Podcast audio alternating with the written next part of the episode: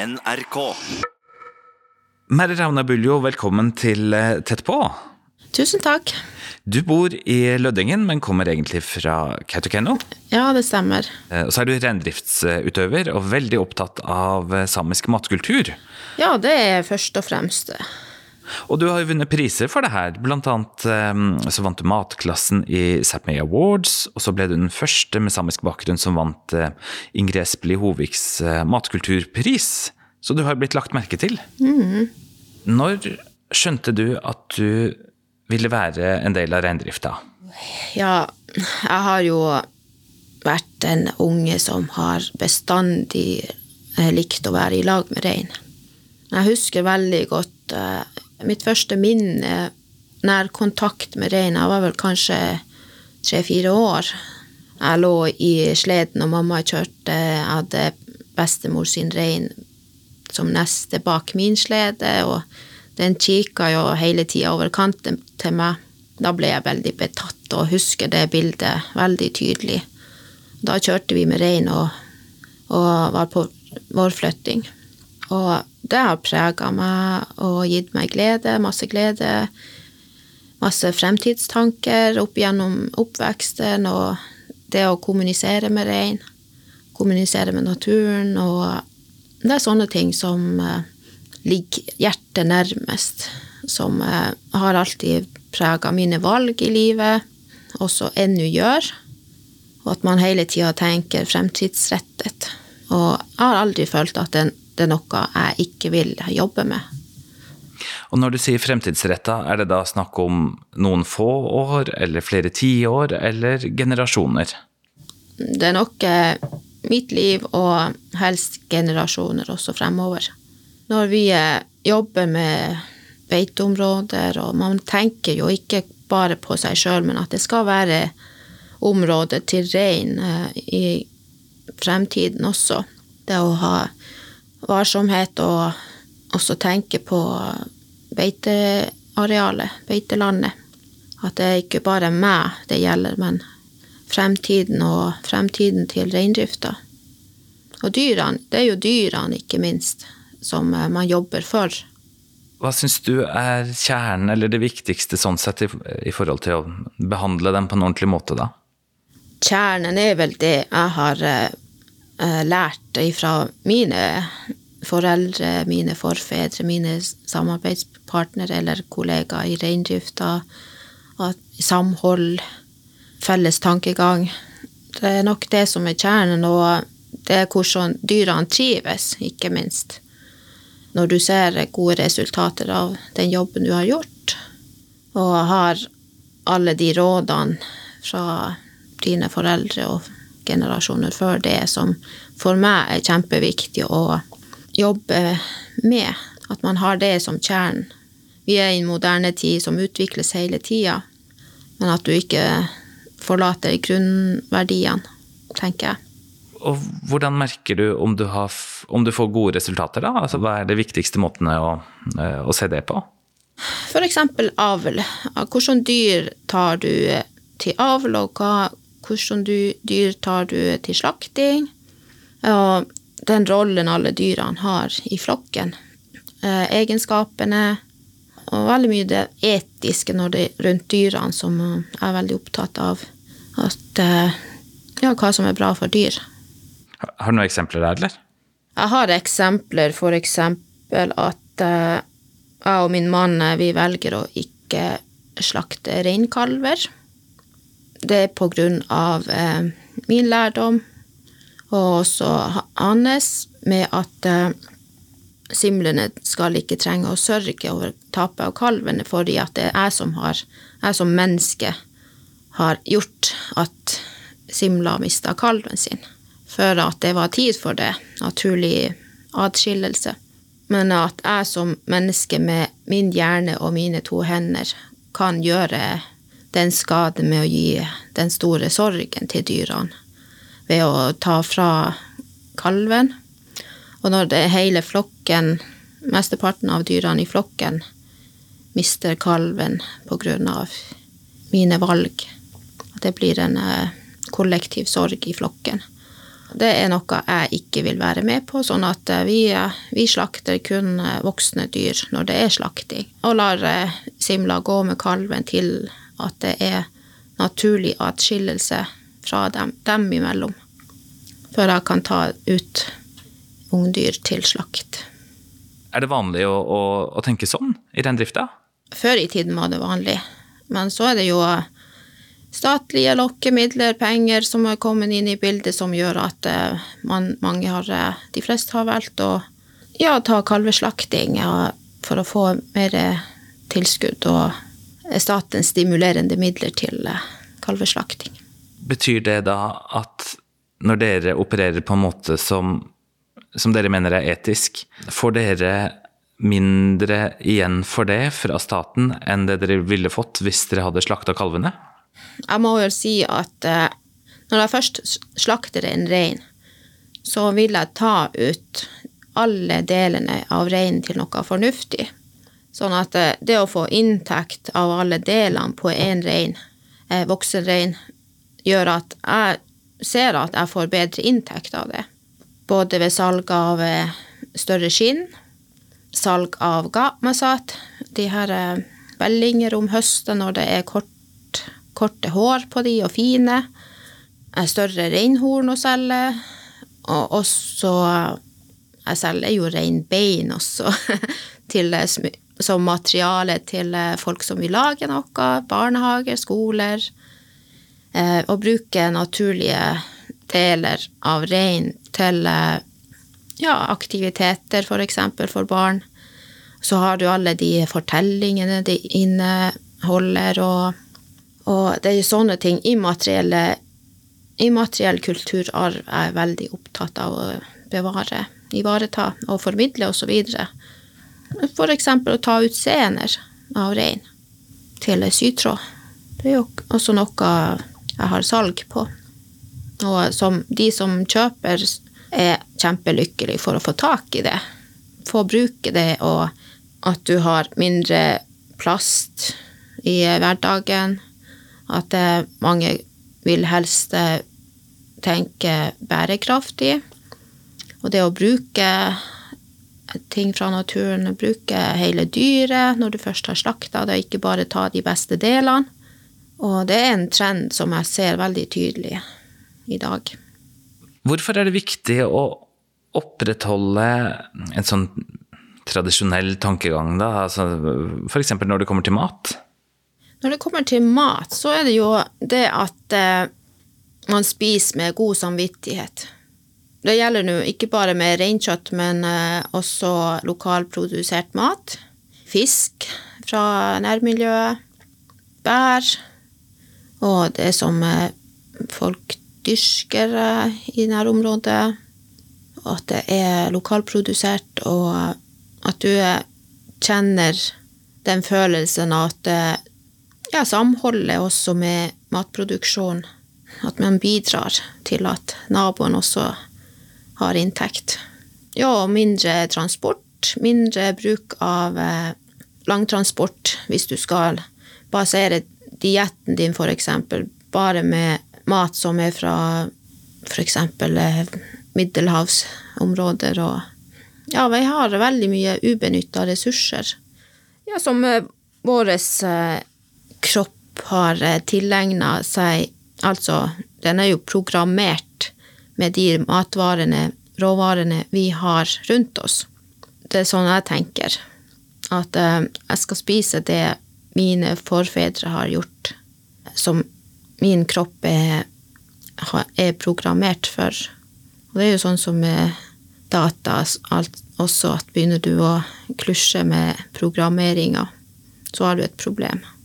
Og du har vel gjort et arbeid sånn sett med å samle inn, eller i hvert fall danne deg en oversikt over, over hva som er eh, tradisjonsmessig riktig bruk, da. Mm. Hvordan har du gått fram? Har du, har du samla det inn, eller eh, hva, har du gjort for noe? Fra jeg var liten, så var jeg jo alltid en sånn unge som satt med de voksne. Jeg likte å høre fortellinger og eventyr. Jeg likte at de ja, lærte meg var mye hos besteforeldrene mine. Også Sidago i, i, reinbeitedistriktet som hadde tid til ungene. Satt mye og prata med de også. Og rundt omkring, også i voksen alder, og særlig når jeg har fått unger, og at jeg har oppsøkt eldre mennesker for å være i lag med dem. Ikke bare for min egen del, men også for at eh, man har samholdet. Jeg har også lest mye i bøker, gamle bøker, og tolka det som står, selv om det mye er blitt skrevet utenifra oss. At man må klare å tolke hva som står der, og hvilket formål har forfatteren hatt. Eh, særlig med de eldste skriftene, som er, tekstene som er blitt gjort. Og klart å se Bare du har en liten del fra en tekst, så har du danna Oi, den forstår jeg jo. Men eh, det er jo sånn som vi har alltid gjort. Og det også å ta det til mitt eget liv. Eh, måten å lage mat på, måten å tenke på, se resultatene, og ikke minst eh, samvittigheten. At når du spiser et måltid som du, du kjenner at det er mine røtter, det her. Sånn spiste mine forfedre, og hva det gjør for meg, mine, både mine, ja, min kropp og mitt sinn. Og det er kjempeartig å drive på med og tilegne seg eh, Det er jo å ta tilbake det som er nesten tapt, og gi det liv igjen. Og beholde det. Mm. Da jeg vokste opp, så var noe av det som jeg likte best å få på middagstallerken, det var eh, kompos, Um, altså blodklubb, eller mm. blodpannekaker. Men mm. nå syns jeg det er så vanskelig å få tak i blod. Mm. Hvorfor er det sånn? Det er vel hos de fleste reinslakteriene så er ikke infrastrukturen lagt til rette for at man kan ta blodet ut for salg. Det er vel der det ligger mest. Det er jo noe som i aller høyeste grad burde nå begynne å få, få, gjort noe med, sånn at folk får tak i blod i ordnede former. Ja, mattrygghet og alt det her. Det skal nok ikke være så vanskelig, vil jeg tro. Men det er en jobb som må gjøres for at det skal være mulig å få, få kjøpt i butikker, f.eks. reinblod. Er det sånn at man ikke oppfyller de reglene som Eh, som er laga da, eller? For, for, å tappe blod og, og, og, selge det? Det er vel eh, økonomipolitikken som er blitt gjort i reinslaktinga over tid. Sånn som jeg bruker å si det, er at eh, vi har måttet trø over egne etiske regler for å tilfredsstille andres matkultur og Hvordan da? Indrefilet, for eksempel, det er et godt eksempel. Jeg kan telle på en hånd hvor ofte jeg har laga indrefilet. På den måten som mange gjør i dag. Hva gjør du istedenfor, da? Når jeg personlig skal eh, spise indrefilet, så går den i eh, reinkok. Eh, Malis, som er en av de mest høytidelige malis vi har eh, hos oss. Det er jo til koteletten at du har Du koker den. Og det er sånn jeg forbinder indrefileten i min hverdag. Mm, og så er det jo alle de fortellingene en reinrygg har. Den er også delt, for eksempel hvem som skal ha de forskjellige delene. For eksempel at den som har slakta reinen, skal få reinhalen. Det er ofte mye fett på den, men det er en sånn æressak. Og de minste barna har seg på dette dit, de som er fremst på ryggen, mens voksne har de som er bakerst i ryggen. Og litt sånn forskjellige som man har når man sitter, er rundt et, eh, en kjøttgryte og skal velge ut hvem Liksom at det er så fint å se når alle vet hva de skal spise. Hva som er forbeholdt mamma, hva som er forbeholdt pappa og sånt, hva som er for de yngste barna. Og det samme med margebein. At de er litt liksom fordelt på alder, om du er voksen eller barn, og hvilken deler skal du spise. Hva, hva er forskjellen på det mannen og kvinnen får, da? For eksempel chochomas. Det er jo sånn margebein som er til mannfolkene, og njetsehas er til kvinnfolkene, som er i Ja, det er jo mest om forplantning. Mens frambeina er til yngste ungdom og barn. det er jo spennende, da. ja, det er kjempespennende. Jeg bruker jo å prøve i hvert fall det, om, det, om de tar det til seg eller ikke, men det er sånne artigheter man har rundt eh, maten når man spiser, og lager fortellinger og lærer om de gamle fortellingene, og det er masse fortellinger i, i hver eh, kjøttgryte. Eventyr og også med fisking, også fiskehistorier og Ja, ja, ja. Mm. Den verdien i blodmat, den har ikke fått sin plass i det hele tatt og innmat og lever. Og vi er jo nå i en tid hvor veldig mange vil ha det her. De vil spise innmat, de vil spise blod, men infrastrukturen er ikke tilpassa for å ta ut blod, f.eks. Så det må jobbes med for å få, få, på plass. For å kunne bruke hele dyret og på en forsvarlig måte. Og det er helt til slaktemetode, vil jeg si. Slakter dere på en måte som gjør at man kan bruke det, da? Ikke per i dag, men det jobbes for å kunne gjøre det i fremtiden. Det er en eh, jobb å gjøre på flere kanter her, skjønner jeg. Det er det. Det er veldig mye jobb å gjøre. Men eh, du må Selv om vi gjør en jobb, men det er også at eh, de som legger føringer når det gjelder byråkrati, og at de må også tenke i våre baner. Hvordan vi ser på mattrygghet, og hva som er fordelene med den måten vi gjør ting på. Jeg har jo for eksempel eh, hatt eh, prosjekt med å forske på eh, samisk slaktemetode kontra kommersiell slaktemetode, og jobba i lag med Nofima for å sammenligne resultatene ut ifra de to forskjellige slaktemetodene, og det er jo oppsiktsvekkende resultater fra det, uten at jeg skal gå lenger inn på det, hva som er, hva som ligger der. Ja, det er litt tidlig. Og jeg er nok ikke den eneste som er opptatt av det.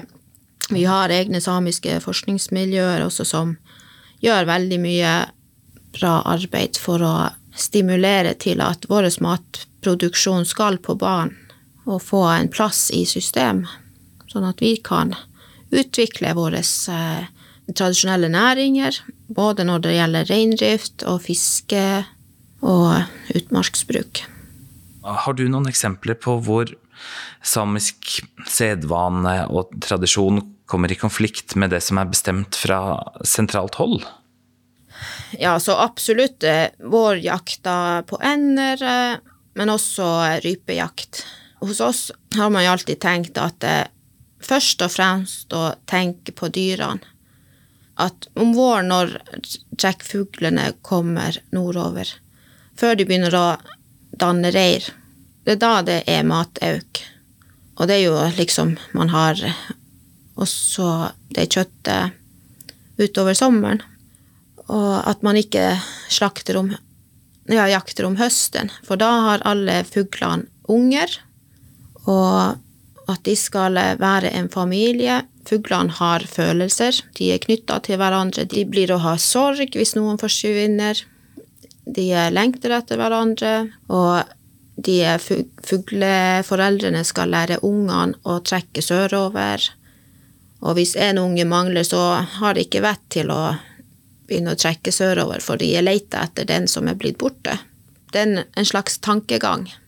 Naturen er jo brutal, men eh, du som menneske skal ikke utgjøre enda mer ut av det, fordi du har din hjerne og dine hender. Men at uh, man har vårjakt istedenfor høstjakt. Om høsten skal fuglene ha, være i lag med familien sin, og, og de fugleungene skal heller ikke miste foreldrene sine til jakt. Og det samme med ryper, at eh, vår tradisjon er ikke å jakte på rype før snøen har lagt seg. Og det er også den tankegangen at når rypa har forlatt besa eller sin familie og blitt selvstendige individer. Først da kan du begynne å jakte. Jakte på rypa. Og avslutte rypejakta også når eh, rypa begynner å danne par utover, utpå våren. Det er liksom den tankegangen. Det er jo sånn den etiske tankegangen rundt det.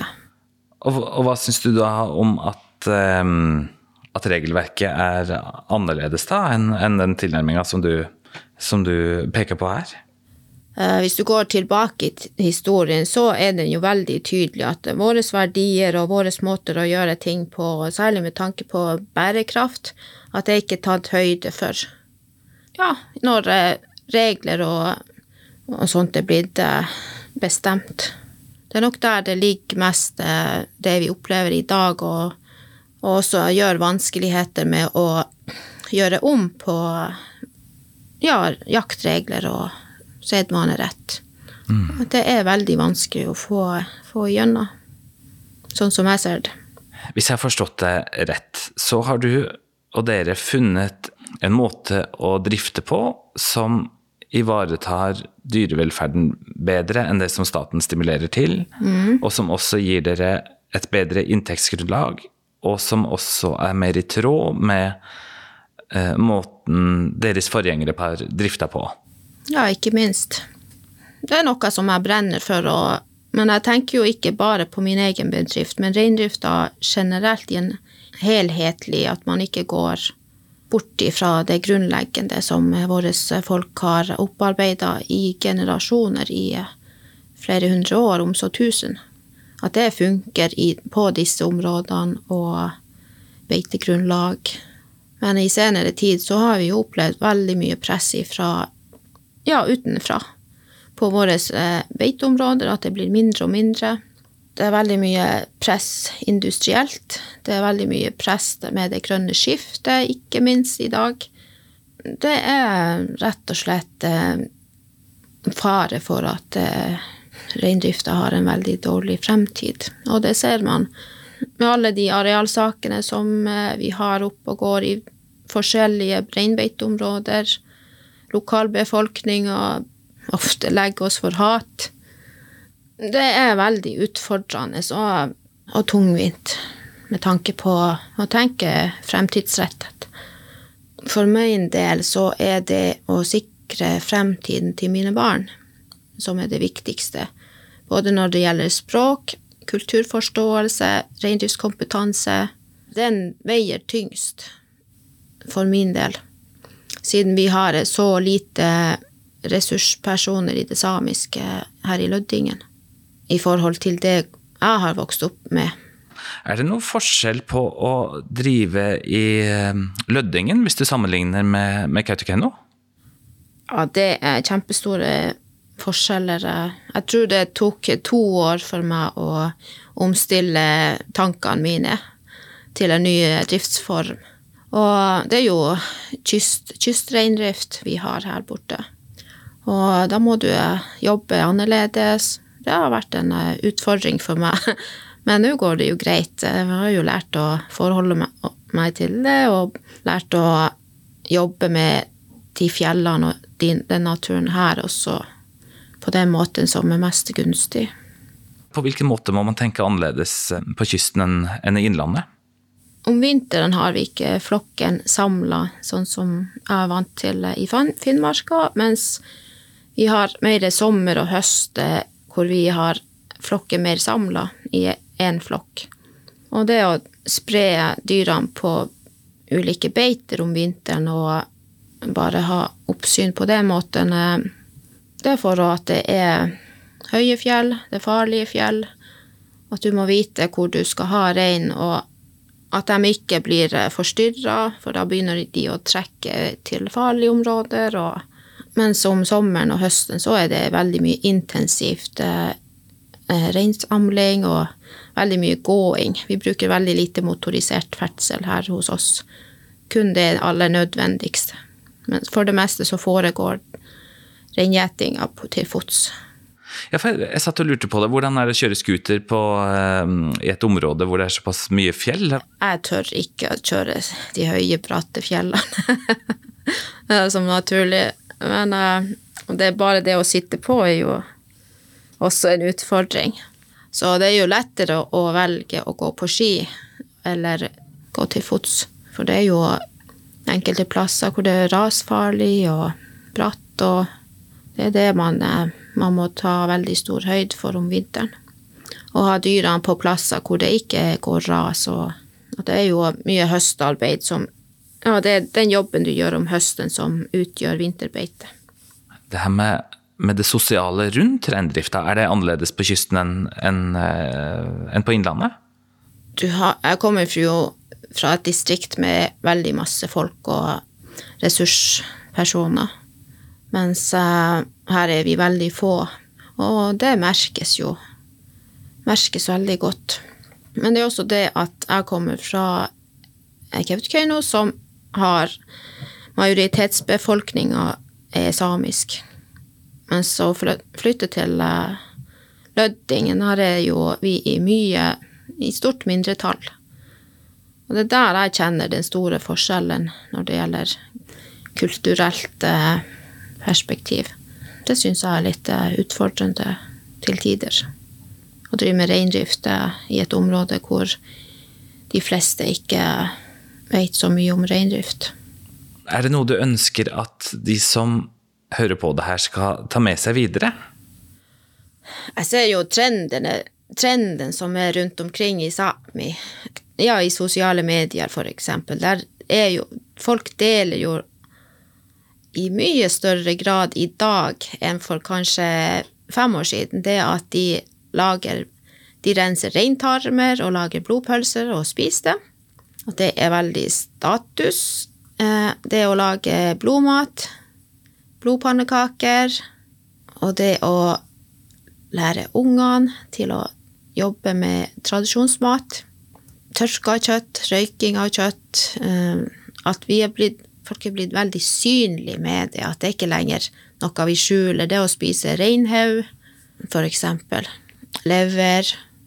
Det er helt greit i dag.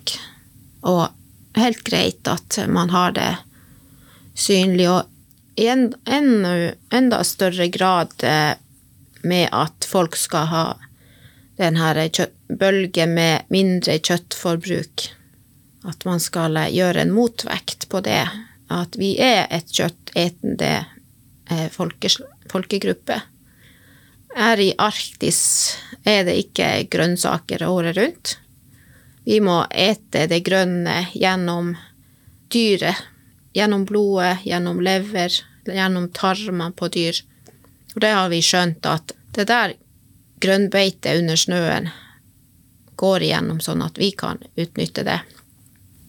Og det er jo sånn arktiske folk heller tenker hvor viktig det er med blodmat og innmat. At da får du i deg de vitaminene som reinbeiter rein under bakken. Og også andre dyr. Det å spise inn mat både i fisk, ryper, fugler Og det, er kjennetegnet på arktiske folk.